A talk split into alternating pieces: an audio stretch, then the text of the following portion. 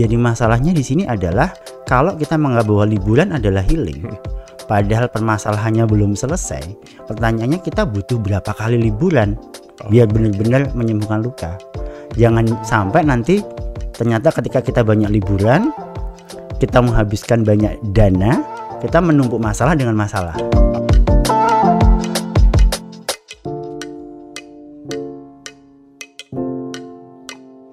Halo kawan UGM, selamat siang semuanya. Assalamualaikum warahmatullahi wabarakatuh. Salam sejahtera bagi kita semua dan salam sehat selalu tentunya untuk kawan UGM di mana pun Anda berada. Senang dan bahagia sekali rasanya saya Randy Ketiawan kembali menemani kawan UGM, pendengar setiap podcast UGM untuk edisi hari ini. Ya, kalau bicara remaja, mungkin kita mengenal banyak sekali remaja yang menciptakan tren-tren yang bisa banyak diingat oleh masyarakat sekitar kita, terutama di Indonesia ya, yang pernah dan saat ini masih menjadi perbincangan ya, apalagi kalau bukan healing. Kadang remaja-remaja yang sudah suntuk dengan kuliahnya, sudah suntuk dengan pekerjaannya, mereka seperti membutuhkan healing. Kadang butuh vitamin C juga gitu ya. Kadang healing disangkut pautkan dengan uh, staycation, dengan liburan atau apa pun itu yang kesannya bisa mengembalikan kembali uh, pikiran kita untuk bisa menjadi lebih segar kembali. Benarkah demikian? Dan apa korelasinya healing dan juga uh, katakanlah liburan seperti itu? Adakah korelasinya kita akan bahas di segmen podcast hari ini? Sudah hadir bersama dengan saya di sini di depan saya persis salah seorang psikolog kebanggaan Universitas Gajah Mada. Saat ini beliau juga mengemban amanah sebagai wakil dekan bidang akademik dan kemahasiswaan Fakultas Psikologi Universitas Gajah Mada. Sudah hadir bersama dengan saya di sini Mas Galang Lufit Yanto, SPSI MPSI PSD. Selamat siang Mas Galang. Selamat siang Mas Adi. Sehat selalu Mas Galang ya. Alhamdulillah. Hari ini cerah nih Mas Galang. Karena mungkin pembahasannya healing ya. Healing, betul. healing Butuh- bukan hilang ya. Healing bukan hilang. Oke, bagus ini bagus. Butuh healing juga Mas? Oh, setelah ini mungkin butuh. Baik, kita akan bahas eh, perkara healing ini, Mas ya, karena memang eh, sudah banyak sekali masyarakat di Indonesia yang eh, menyangkut pautkan healing dengan liburan semacam itu. Ada juga yang menyangkut pautkan healing dengan makanan kesukaan juga. Sebenarnya healing dengan liburan itu sama nggak sih dari sudut pandang psikologi, Mas Galang? Oke, eh, sebenarnya tadi sudah disampaikan oleh Mas Adit ya bahwa healing itu sebenarnya sebuah eh, apa istilah yang sedang tren ya. Di mana-mana bilang healing gitu ya. Tapi sebenarnya healing itu sebenarnya proses untuk menyembuhkan luka kan sebenarnya. Nah, hal itu tuh sebenarnya sudah lama terjadi. Orang sudah melakukan hal itu. Cuma kalau sekarang itu menjadi lebih tren saja. Nah, apa yang kemudian kita sembuhkan itu tuh adalah emotional distress. Jadi kita mengal- mengalami stres. Nah, kemudian kita mencoba untuk menyembuhkan stres itu. Nah, ada dua cara yang bisa dilakukan. Yang pertama adalah dengan me- mengetahui sumber penyebabnya apa dan kemudian dia mengatasinya. Itu yang paling bagus. Tapi kalau itu nggak bisa, bisa dilakukan dengan cara yang kedua, yaitu adalah meringankan rasa tidak nyaman. Nah, meringankan rasa tidak nyaman itu yang biasanya dikonotasikan dengan liburan, makan enak. Jadi intinya adalah membuat dia merasa lebih baik. Tetapi belum tentu itu memecahkan masalah. Belum tentu menyembuhkan juga Betul, gitu. ya. betul. Berarti kalau dikatakan healing sama dengan liburan bisa juga dong? Eh, kalau memang eh, orang itu membutuhkan misalkan kayak re- refreshing atau kegiatan yang berbeda, itu boleh melakukan hal itu. Cuma kalau healing sama dengan liburan, itu berarti kan memperkecil eh, arti dari healing itu sebenarnya. Nah, yang jadi masalahnya di sini adalah kalau kita menganggap bahwa liburan adalah healing, padahal permasalahannya belum selesai. Pertanyaannya kita butuh berapa kali liburan biar benar-benar menyembuhkan luka. Jangan sampai nanti ternyata ketika kita banyak liburan, kita menghabiskan banyak dana, kita menumpuk masalah dengan masalah. Ah, ya, malah tambah masalah nggak jadi Malah healing tambah jadinya. masalah. Betul. Oke, sebenarnya saya tertarik dengan yang poin pertama tadi, Mas. Kita Hmm. mencari nih eh, sebabnya kenapa kok kita eh, istilahnya distress seperti itu ya. Hmm. Sebenarnya mencari itu sesusah apa sih untuk pada akhirnya kita butuh healing nantinya?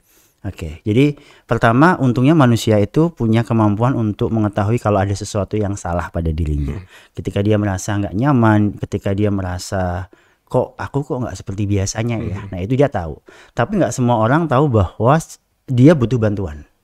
Nah ketika dia membutuhkan bantuan, yang pertama harus dilakukan adalah ya dia ngobrol dengan orang yang paling dekat dengan dia, yang dia bisa percaya gitu ya. Tapi kalau misalkan itu tidak bisa juga me- mengobati lukanya tadi, dia mungkin butuh tenaga yang profesional seperti psikolog, psikiater.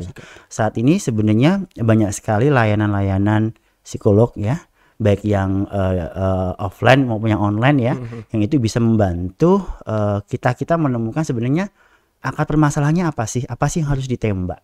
Nah, dengan itu ada i- itu adalah cara yang justru lebih efektif daripada kemudian malah melarikan diri dari masalah itu.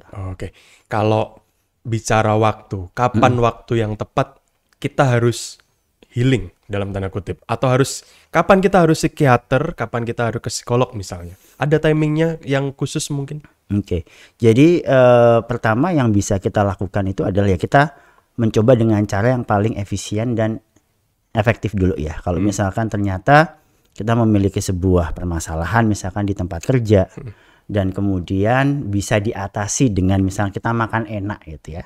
Kalau itu bisa diatasi, bisa membuat kita menjadi lebih baik dan memecahkan masalah itu oke. Tetapi ketika kemudian berulang-ulang ya, saya liburan ke mana-mana tetap nggak selesai masalahnya, kayaknya bukan di liburannya deh. Aku harus membutuhkan seseorang. Nah, harus ada momen di mana kita memahami bahwa oh ini saya meringankan rasa tidak nyaman dan aku ingin benar-benar menyembuhkan luka. Nah, ketika dia sudah sadar bahwa oh yang aku lakukan ini tidak selalu berhasil, maka butuh eh, tenaga profesional. Nah, di situlah kemudian dia harus butuh untuk ketemu dengan profesional. Oh gitu. Kadang kan orang berpikiran gini mas, misal kayak saya, saya punya masalah hanya kecil gitulah. S- Kadang saya juga sering self uh, justice gitu, ah aku butuh healing nih gitu. Apakah itu dibenarkan atau seharusnya saya mungkin uh, ke psikolog dulu gitu? Apakah boleh saya self justice seperti itu? Saya butuh healing, saya butuh, saya stres nih misalnya. Apakah boleh justice seperti itu ke diri kita sendiri? Oke, jadi sebenarnya eh, sekarang ini kan sebenarnya di masyarakat itu kita lebih mudah untuk mengetahui ya ko- kondisi kita ya, karena sekarang ada banyak sekali alat-alat, tools-tools untuk kita mendiagnosis diri gitu ya. Nah, tidak semuanya benar ya, ada yang alat-alat yang sebenarnya eh, kurang tepat gitu ya, dan kemudian takutnya kemudian orang-orang itu, uh aku ternyata depresi gitu ya. Nah, apa namanya eh, untuk itu memang kita harus hati-hati ya, untuk eh, kita harus hati-hati dan kemudian eh, lebih baik sih eh, kalau misalkan kita merasa sudah melakukan hal-hal yang bi- kita bisa lakukan untuk me- meringankan, Meringankan. eh, rasa nggak nyaman itu dan tidak berhasil mungkin dua apa tiga kali gitu ya, kita boleh untuk mencari Profesional bantuan gitu ya. betul. Heeh. Oke, tapi kabarnya tubuh kita itu punya istilahnya apa ya? eh, respons yang bagus yang bisa melakukan healing sendiri gitu atau self healing. Bener nggak sih kalau di psikologi ada eh, apa ya istilahnya pembelajaran yang semacam itu atau tidak? Ya betul. Jadi kita punya ada empat neurotransmitter ya. Neurotransmitter yang berhubungan dengan kebahagiaan. Yang pertama adalah endorfin. Endorfin itu tuh akan diproduksi oleh manusia ketika kita menyukai sebuah proses. Contoh misalkan kita olahraga, ya. Mungkin kita olahraga bukan karena kita ingin menurunkan berat badan, tapi karena aku suka aja dengan olahraga. Itu endorfin itu akan muncul dan kemudian akan membuat kita lebih bahagia. Yang kedua adalah dopamin. Nah, dopamin itu adalah eh, hormon yang terkait dengan reward. Jadi contoh misalkan saya olahraga karena saya ingin berat badan turun. Nah, Yeah. ketika kita melihat minggu pertama kita olahraga, berat badan kita turun, kita seneng tuh. Hmm, hmm. Yang ketiga adalah serotonin.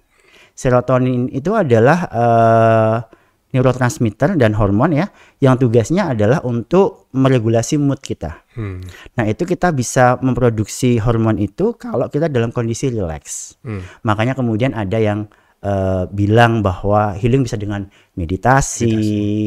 Itu itu dalam rangka untuk memproduksi serotonin. Hmm. Nah, yang keempat ini adalah oksitosin. Hmm. Oksitosin itu adalah hormon cinta. Hmm. Nah, ketika kita kemudian ngobrol dengan teman-teman, kita dengan orang tersayang, dan kemudian kita menolong orang lain, itu tuh kita bisa memproduksi oksitosin. Nah, oksitosin ini adalah hormon anti stres. Jadi sebenarnya dengan melakukan hal-hal tadi ya yang tidak kemudian harus melulu harus liburan, Liburan. itu tuh kita bisa membuat tubuh kita lebih tahan terhadap stres. Oke, dari penjelasan Mas Galang itu saya jadi keinget film Inside Out. Jadi ada film Inside Out itu yang eh, di dalamnya itu ada bahagia, sedih, marah, kecewa.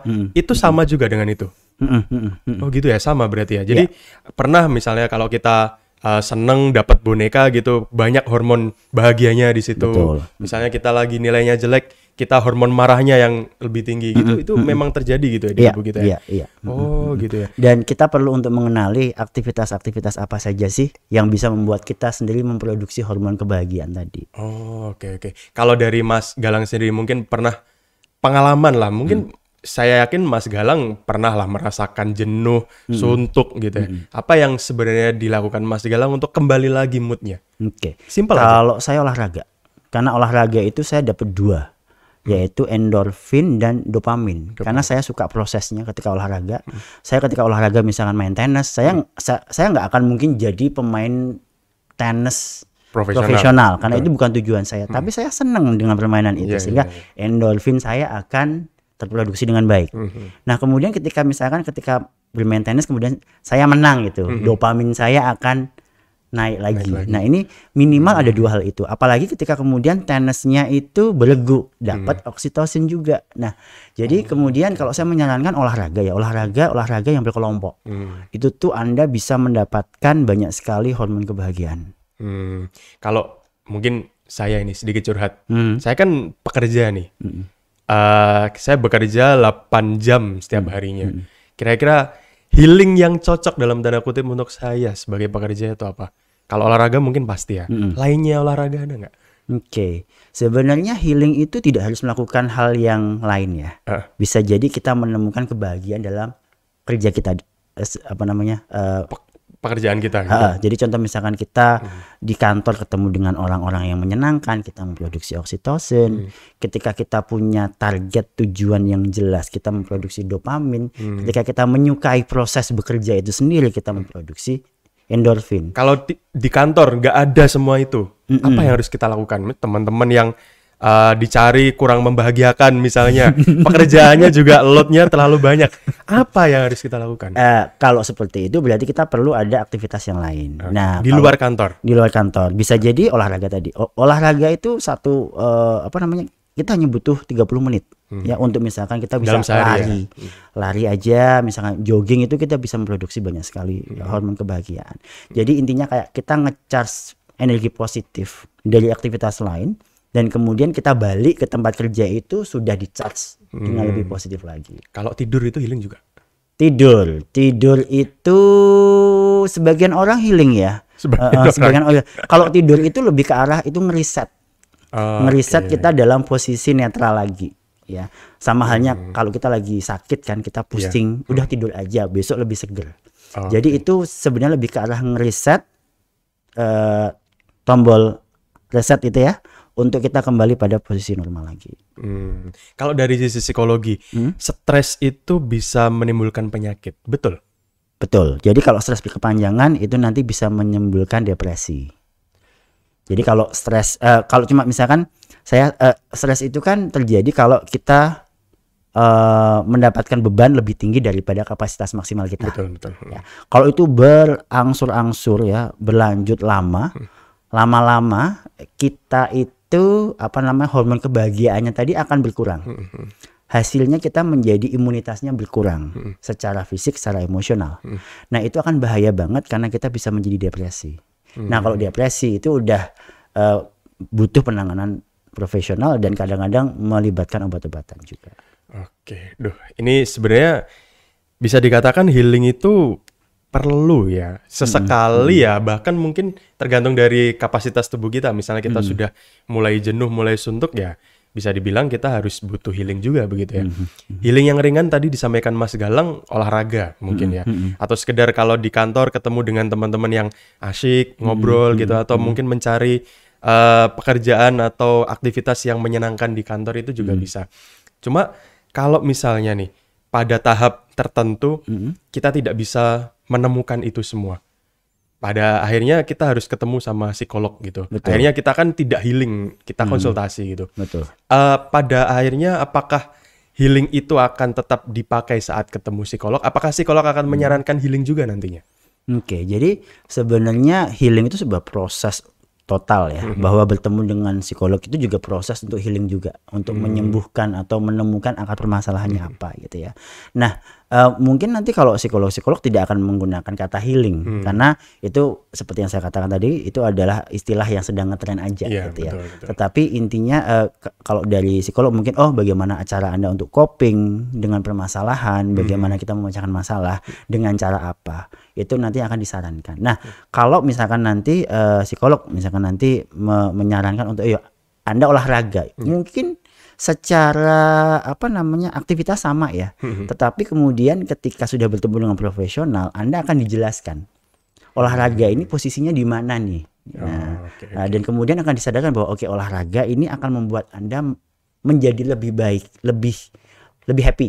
Hmm. Nah, tapi mungkin masalahnya belum selesai. Nah, sehingga sekarang pilihan pada Anda Anda ingin menyelesaikan masalah atau ingin meredakan Hanya meringankan nyaman. gitu ya. Betul. Karena pada kenyataannya nggak semua orang punya privilege ya untuk bisa memecahkan masalah mereka Hmm. atau atau bisa memecahkan masalah umum ya. Kalau Hmm. misalkan masalah dia di tempat kerja berhubungan dengan bosnya atau sesuatu yang nggak bisa dia kontrol kan susah juga. Betul. Pada akhirnya kita harus menjadi lebih kuat, kita menjadi lebih positif. Hmm. Nah, sehingga kita harus cari cara nih gimana untuk kita ngecas diri kita menjadi lebih positif. Oke. Nah, ini menarik kalau membahas healing sebenarnya karena Hmm. Banyak yang eh, apa ya bisa ditemukan di obrolan kita siang hari Hmm. ini. Jadi healing itu tidak hanya sekedar liburan Hmm. tapi benar-benar ketemu dengan orang itu juga bisa dibilang healing juga gitu. Hmm. Ketemu dengan eh, teman-teman atau mungkin pekerjaan yang menyenangkan juga mungkin salah satu healing juga ya. Hmm. Tapi mungkin tips untuk milenial Mhm. untuk melakukan healing itu seperti apa ya sekecil apa pun itu apa saja sih yang perlu dipertimbangkan karena kadang kita liburan pun kadang kalau pulang ya kita capek juga gitu bisa nah kira-kira dari Mas Galang sendiri selaku psikolog healing yang tepat untuk milenial sekarang itu apa Oke, healing yang tepat ya. Oke, ini pertanyaan yang cukup tricky. Jadi yang pertama eh, untuk milenial perlu untuk menyadari posisi healing itu apa, gitu ya. Bahwa healing itu di sini bisa jadi emang menyembuhkan, mencari akar permasalahan dan mencari solusi gitu ya, atau meredakan rasa nggak nyaman tadi ya. Kalau memang kemudian mereka mem- eh, pertama harus sadar itu dan kemudian mereka harus bisa untuk menentukan. Kalau misalkan untuk meredakan rasa nggak nyaman mau berapa kali? Budgetnya pas apa enggak Iya. apakah ini cara yang paling baik paling efisien yang kemudian bisa dilakukan? Jangan sampai kemudian dengan melakukan healing itu dia malah membuat masalah baru gitu ya. Ketika kebanyakan healing liburan jadi nggak masuk kantor malah jadi bermasalah di tempat kerja. Kemudian nyalain kantornya sih ya nggak. Padahal itu cara healingnya yang keliru gitu yang ya. keliru ya. Iya. Jadi eh, yang yang eh, apa pun healingnya, eh, apa pun cara dia untuk membuat dirinya menjadi lebih baik, itu dia perlu eh, apa namanya punya eh, panduan-panduan tadi ada misalkan budgeting, ada nggak hal lain yang kemudian eh, akan terganggu dengan healing dia, itu ya. Intinya adalah kita ingin membuat hidup kita menjadi lebih baik. Jangan menumpuk masalah dengan masalah. Psikolog bisa bantu nge-range itu semua nggak sih? Bisa banget, bisa Misal banget, bisa saya banget. pengen ke Mas Galang, Mas Galang, aku pengen liburan nih, eh, salah satu healing saya nih, boleh nggak dibantu? Eh, saya punya budgetnya segini, kira-kira liburannya ke mana? Oh, kalau itu agentur ya. gitu, bukan psikolog ya. Tapi psikolog setidaknya bisa membantu lah ya nantinya eh, per- dari permasalahan yang saya hadapi, baiknya saya harus apa gitu. Iya. Itu pasti. Kalau psikolog bantunya misalkan gini mas, Mas Adit mau apa nih mau liburan? Oke, Hmm. yang dikejar dari liburan tuh apa sih? Kalau liburan dapat apa nanti setelahnya? Nah, apakah Oh, itu yang dibutuhkan? Jadi lebih ke arah bertanya eh, tujuannya, esensinya Hmm. untuk liburan itu sendiri, gitu ya. Jadi eh, l- lebih ke arah membuat kita itu menyadari apa sih yang kita lakukan dan tu- tujuannya udah pas apa belum? Oh, gitu ya. Lebih ke arah nantinya kita bener-bener pasti akan liburan nggak sih sebenarnya gitu ya. bisa jadi seperti itu atau mungkin bisa memberikan solusi yang nggak harus liburan Alternatif lainnya gitu. ya. alternatif lain Oke, aduh, ini menarik obrolan kita siang hari ini. Eh, mungkin ini mas, pesan untuk para milenial, mungkin salah satunya termasuk saya. Hmm. Gimana caranya supaya saya atau mungkin teman-teman di luar sana nggak gampang stres. Terutama mungkin dengan pekerjaan, dengan eh, kadang kalau yang mungkin yang mendengarkan kita juga anak-anak kuliah, anak-anak sekolah juga. Gimana caranya biar mereka tidak langsung gampang stres, tidak gampang jenuh, tidak gampang suntuk? Ada tips dari Mas Galang? Oke, jadi kalau seperti tadi yang saya katakan bahwa stres itu terjadi kalau beban kita lebih tinggi daripada kapasitas maksimal kita. Nah, kadang-kadang sering malah saya katakan manusia itu jahat pada dirinya sendiri. Dia menumpuk beban terlalu tinggi. Iya. Semuanya dipikirin, semuanya dianggap ini harus aku yang menyelesaikan masalah. Artinya kemudian eh, kita harus sadar bahwa ada hal-hal yang nggak bisa kita kontrol. Ya, ada hal yang nggak bisa kita kontrol. Iya. Kalau kita memaksakan mengontrol itu, artinya beban kita akan semakin banyak. Nah, untuk itulah misal eh, kita harus mampu. Oh, oh, ini nggak bisa kita kontrol. Ya udah, direlakin aja di let it go gitu ya. Atau kita butuh bantuan orang lain. Nah, jadi apa namanya? eh, untuk menjadi stres, eh untuk menjadi nggak stres ya, kita perlu untuk memahami mana sih hal yang emang bisa kita kontrol, yang bisa kita ubah gitu ya. Mana hal yang nggak bisa kita kontrol, ya. Kemudian pilihan kita gimana? Apakah akan ya sudah kita serahkan pada yang di atas contoh ya, atau kita minta bantuan teman kita atau profesional atau em, atasan gitu ya. Intinya adalah kita membagi beban, jangan sampai kemudian semuanya itu dikerjain sendiri gitu ya. Nah kita kan orang Indonesia kan bangsa kolektif ya, sehingga lebih mudah bagi kita untuk asking for help. Nah ini yang kemudian perilaku meminta eh, pertama perilaku tahu kapan butuh bantuan dan meminta bantuan dengan baik ini adalah menurut saya dua skill yang paling utama untuk kita bisa mengatasi stresor yang ada di sekitar kita. Oke. Nah, Luar biasa ini kalau saya konsultasi ke psikolog mungkin bisa mahal. Ini obrolan mahal sebenarnya ini kawan UGM yang uh, mendengarkan podcast kita siang hari ini. Ini terima kasih sekali Mas Galang sudah Mas. uh, menemani saya dan juga pendengar podcast UGM tentunya. Ini banyak ilmu yang saya dapatkan tentunya ini nanti akan didengarkan oleh juga oleh kawan UGM semuanya.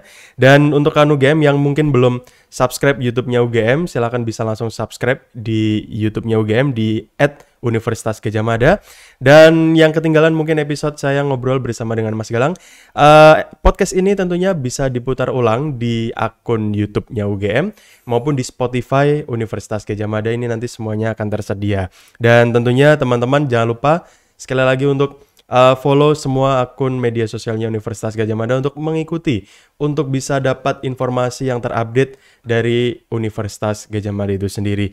Dan juga kami ingatkan mungkin kepada kawan UGM yang di luar sana tentunya untuk selalu jaga kesehatan dan patuhi protokol kesehatan. Seperti disampaikan oleh Mas Galang tadi ya, kalau misalnya teman-teman sudah istilahnya merasa tidak enak begitu, ya, bukan tidak enak badan tapi sudah mulai full pikirannya atau mungkin sudah mulai jenuh, suntuk, silakan untuk bisa mencari aktivitas lain yang sekiranya itu bisa meringankan dulu begitu ya Mas Galang ya. Sehingga eh, bisa dikurangi bebannya terus nanti bisa lebih fresh lagi untuk mengerjakan pekerjaan yang sebelumnya.